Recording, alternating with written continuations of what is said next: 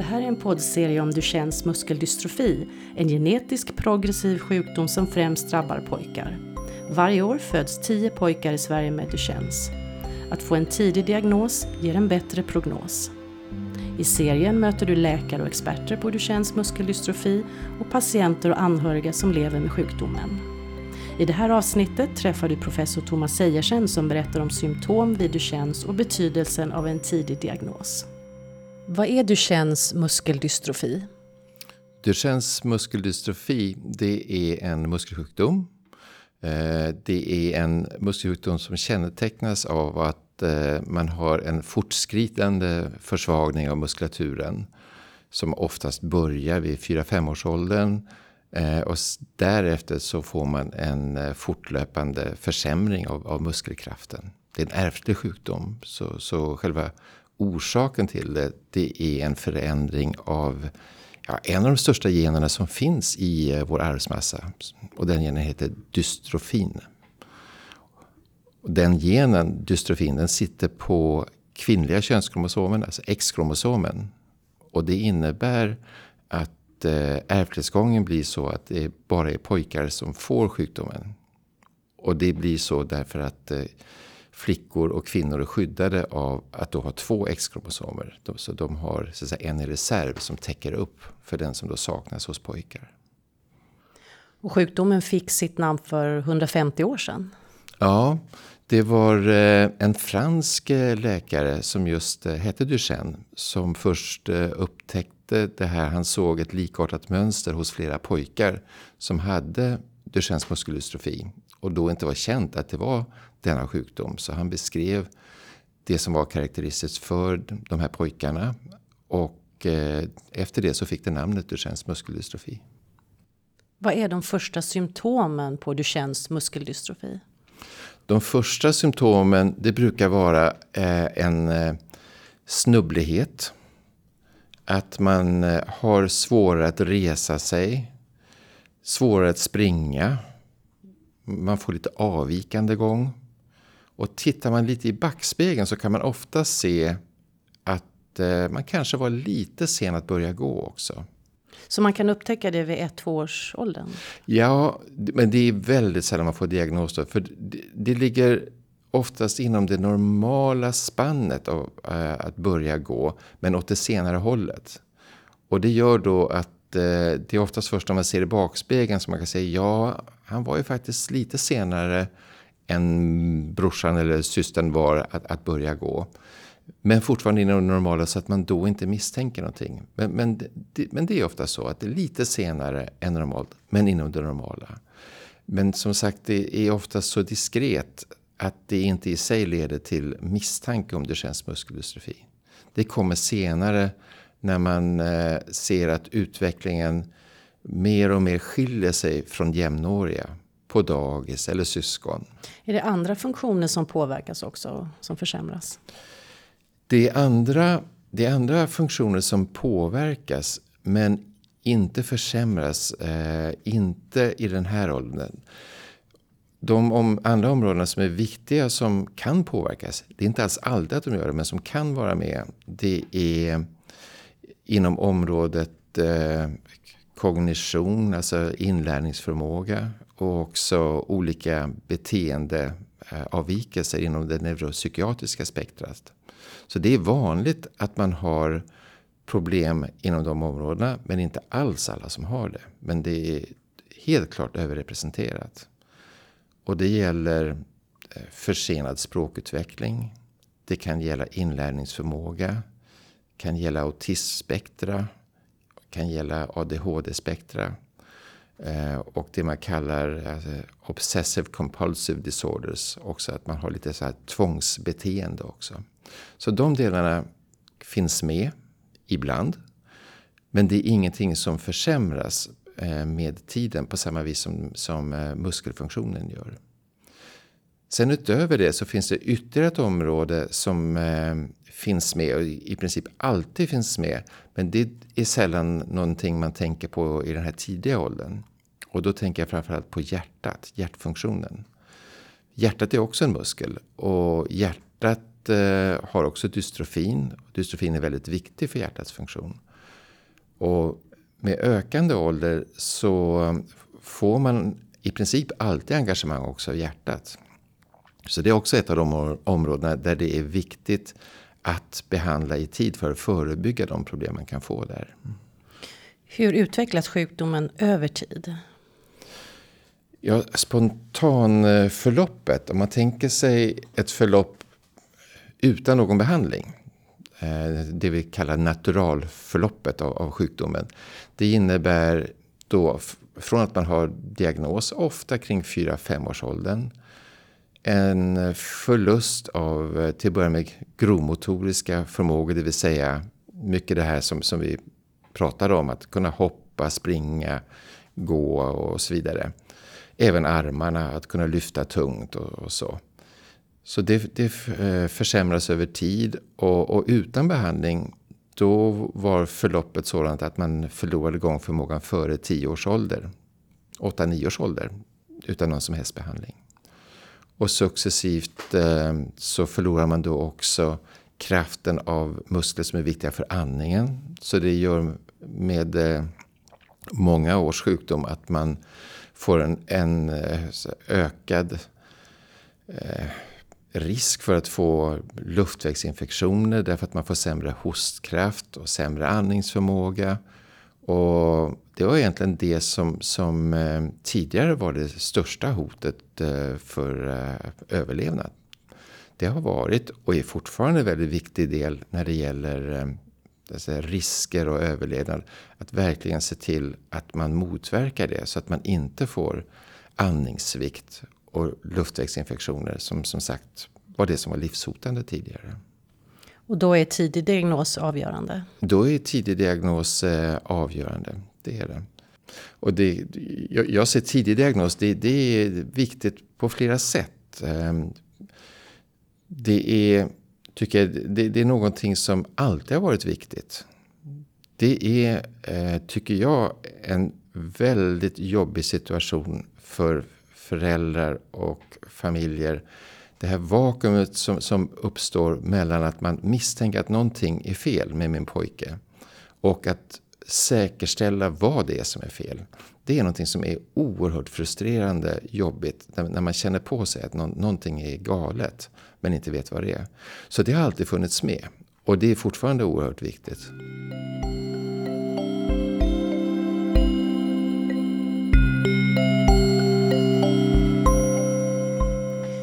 Vid vilken ålder är det vanligast att man får diagnos i Sverige? Det är cirka femårsåldern.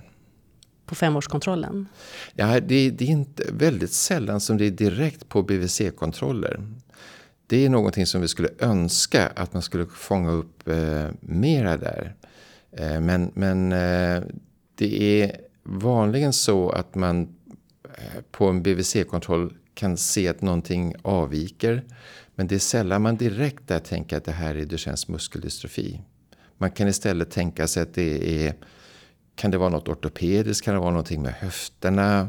Vi avvaktar och ser om det ligger inom det normala. Man gör uppföljningar under en längre tid hos sjukgymnast som kanske remitterar till ortoped. Eh, och då, då kan det gå väldigt lång tid. Ofta, ofta är det mer än ett år från symptom till att man faktiskt får diagnos. Och det, det är någonting som vi skulle komma, vi skulle gärna vilja komma åt det. Hur skulle man göra då? Ja, jag tror att det, det viktiga det är ju information till de inom sjukvården som träffar barnen i den här åldern när eh, symptomen börjar komma. Och det är framförallt eh, BVC, BVC-läkare, BVC-sköterskor. Det är också eh, sjukgymnaster som oftast eh, ser barnen eh, på remiss från BVC eller från eh, barnläkarmottagning. Det tror jag är, är de viktigaste områdena att, att få uppmärksamhet där och också att försöka få till en struktur där eh, en tidig misstanke där leder till en snabb blodprovstagning av ett, eh, ett ämne i blodet som ger en mycket, mycket snabb fingervisning om det här eh, kan eller inte kan vara Duchennes muskeldystrofi. Ett blodprov som heter kreatinkinas i blod. Ett, muskeltypiskt ämne som är kraftigt förhöjt vid Duchennes muskeldystrofi men inte normalt. Så kallat CK-test? CK-test, ja precis. Om man jämför med andra länder i Europa, hur ser diagnosåldern ut där? Den skiftar väldigt mycket men den, den, är generellt sett mellan fyra och ända upp till åtta år. Det, det finns länder som har betydligt eh, större problem än, än, vi har i Sverige med eh, att det går lång tid från symptom till diagnos. Så det, det, finns exempel på länder i Europa som har åtta år. Men någonstans 4-5 års åldern, det är det vanliga. Vilken ålder skulle du se att man kan få ner diagnosåldern till i Sverige? Man skulle kunna få ner den till, jag kan tänka mig till drygt treårsåldern. Det skulle vara väsentligt mycket bättre och det skulle vara mycket vunnet om man kunde få ner den till, till 3-4 eh, snarare än 4-5. Eh, Då har man vunnit ett år i alla fall. Ju tidigare diagnos desto bättre prognos säger man när det handlar om Duchennes muskeldystrofi. Stämmer det? Det stämmer och det stämmer måste jag säga också till olika grader eh, för olika undergrupper av Duchennes muskeldystrofi. Rent generellt så är ju alla typer av Duchennes muskeldystrofi de är fortskridande så man får en försämring med tiden. Kan sjukdomen påverka skolgången eller andra delar av livet? Ja, det kan den göra. Och där är också tidig diagnos viktigt.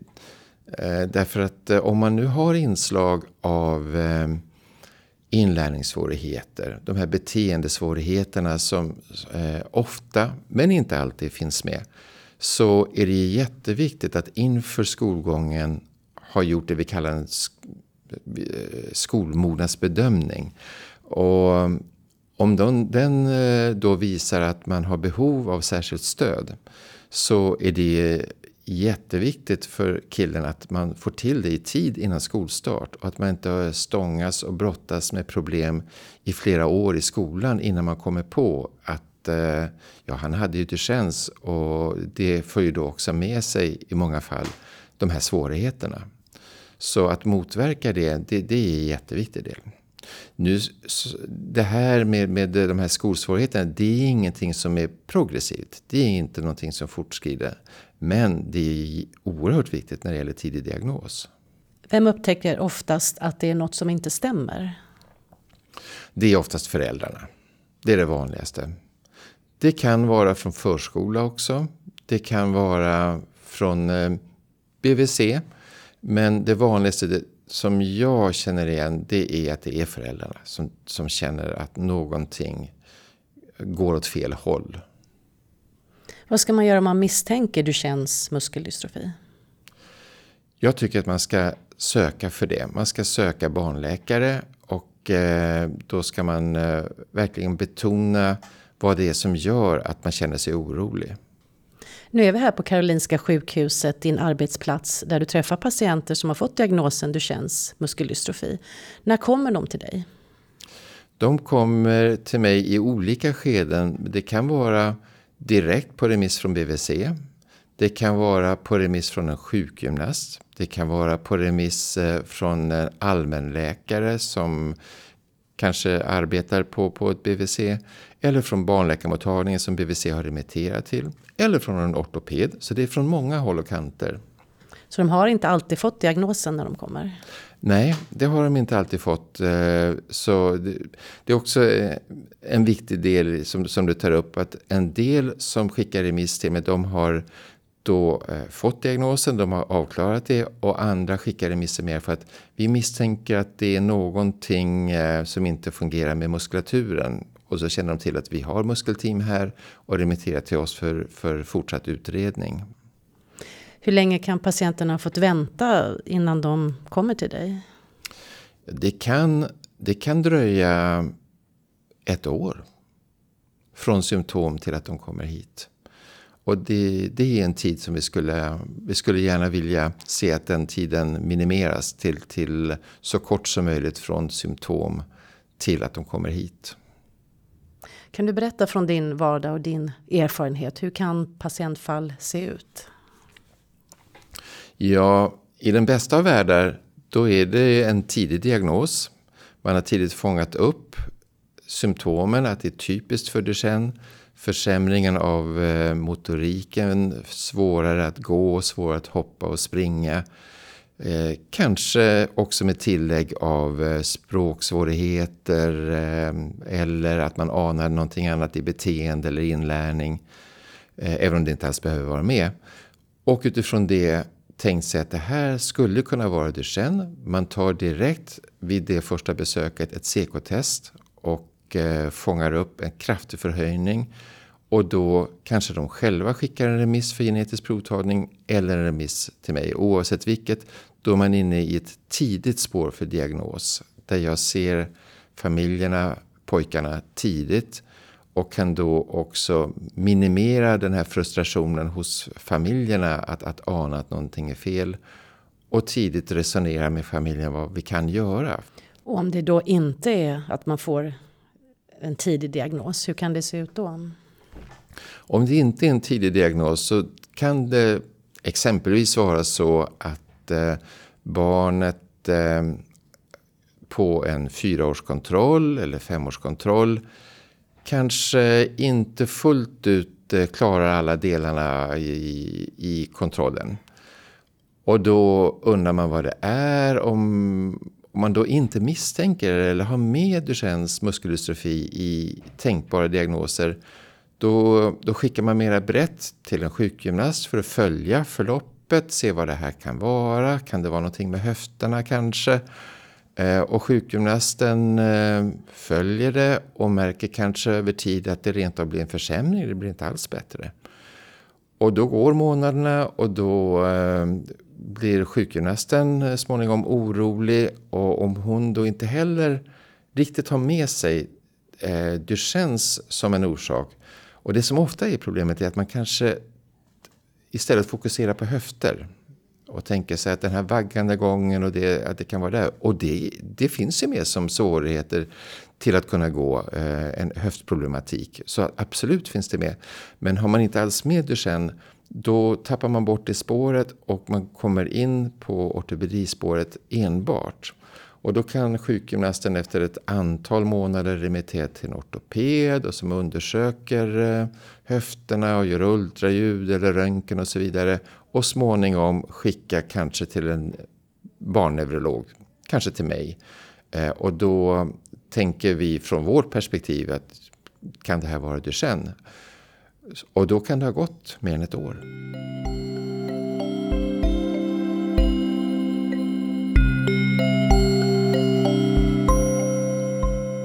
När det handlar om tidig diagnos så är det också viktigt med genetisk testning. Varför är det viktigt?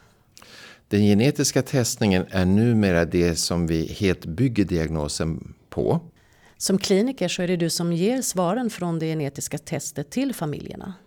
Ja, det är jag som, som ger det. Vad betyder det för familjerna att få ett svar? Det blir väldigt dubbelt för, det, eh, för, för familjerna. Och det skiftar också väldigt mycket. Vi, vi är olika som personer. Eh, rent generellt sett så är det ett tungt besked att få. För det är en svår sjukdom. Vi har ju mycket hopp nu just därför att det finns mycket att göra. Men det är ändå en, en eh, tung diagnos. För att det är en, en fortskridande försvagning som kännetecknar sjukdomen. Och det har ju föräldrarna såklart oftast anat när de kommer. Så att de, de känner till lite om sjukdomen.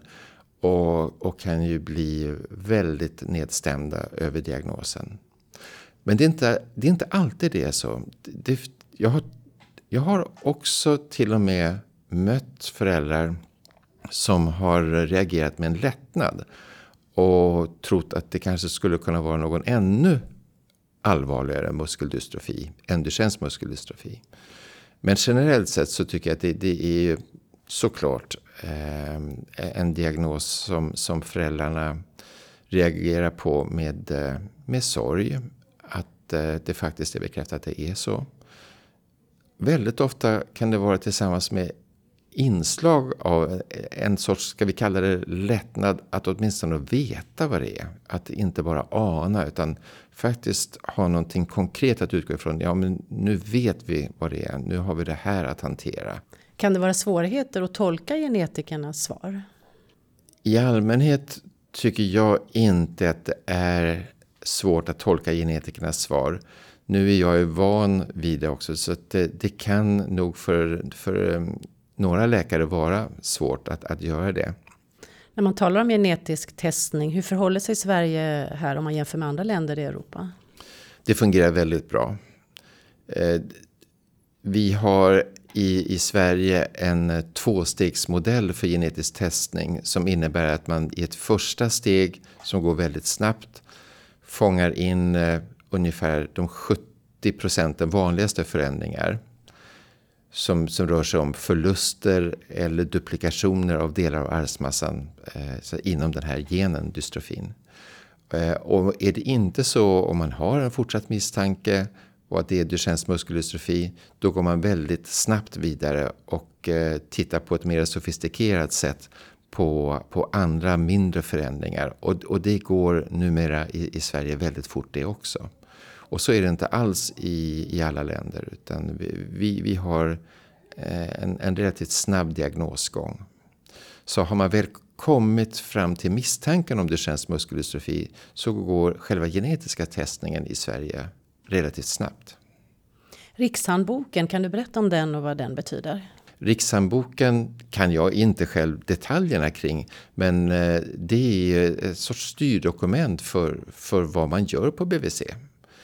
Eh, och det jag från mitt perspektiv gärna skulle vilja ha med det, det är ju att få in Duchennes muskeldystrofi som ett spår där man tidigare lägger diagnosen genom att tidigare misstänka det och så snart man har en misstanke i form av avvikelser på de kontroller som redan finns. De motoriska kontroller som finns. Har man en avvikelse där, ta ett CK-test istället för remisserna till eh, sjukgymnast, till ortoped, till barnläkare.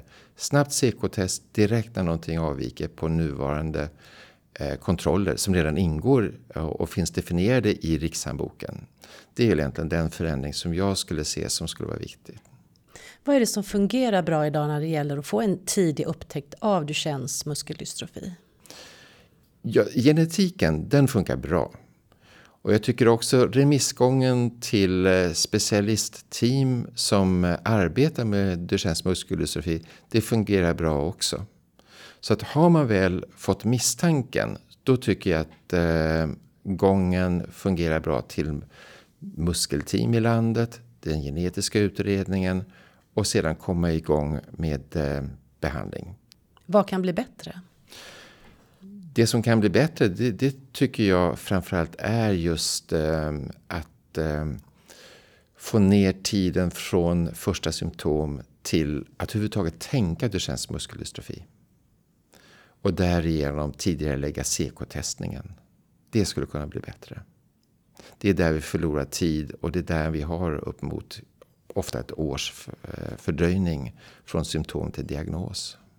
Behövs det mer utbildning för professionen också? Ja, vi behöver flagga för det här eh, och gör det också. Så att eh, det gör vi i form av artiklar, föreläsningar, projekt. Hur började du arbeta med Duchennes muskeldystrofi? Min väg in att arbeta med Duchennes mus muskeldystrofi det, det, kom lite, lite baklänges kan man nog säga. Jag, jag började eh, som forskare, som det man kallar preklinisk forskare, alltså forskade med grundforskning kring muskel, muskelutveckling, muskelfunktion. Eh, och blev sedan läkare, barnläkare, barnneurolog. Och blev eh, här inom barnneurologin tidigt ansvarig för att eh, bygga upp ett eh, team kring muskelsjukdomar, neuromuskulära sjukdomar. Och inom neuromuskulära sjukdomar då är Duchennes muskeldystrofi en, en stor och viktig grupp. Så jag kom i kontakt tidigt under min eh, tjänstgöring som specialist, som ST-läkare, specialisttjänstgöring. Duchennes muskeldystrofi är en sällsynt sjukdom. Hur kan man arbeta för att sprida information och kunskap om sällsynta sjukdomar? Ja, Duchennes muskeldystrofi den, den är sällsynt. Det är ungefär en av 4 000 födda pojkar som, som får den. Så, så den är sällsynt, men ändå bland de sällsynta sjukdomarna ändå bland de vanligare av, av muskeldystrofier och muskelsjukdomar.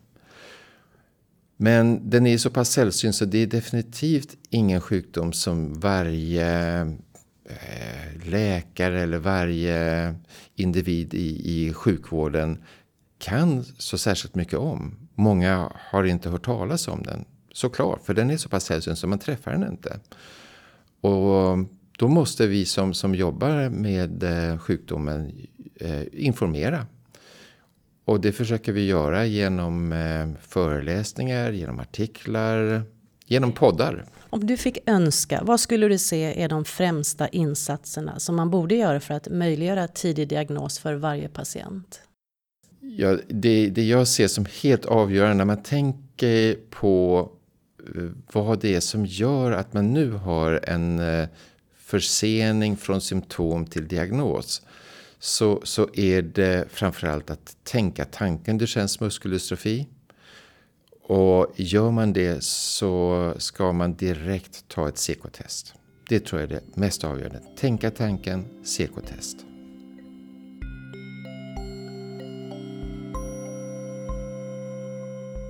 Den här poddserien Känn igen Duchenne, värt att veta om Duchennes muskeldystrofi har producerats av Komma och jag heter Merja Metell Suomalainen. Podden har producerats med ekonomiskt bidrag från PTC Therapeutics.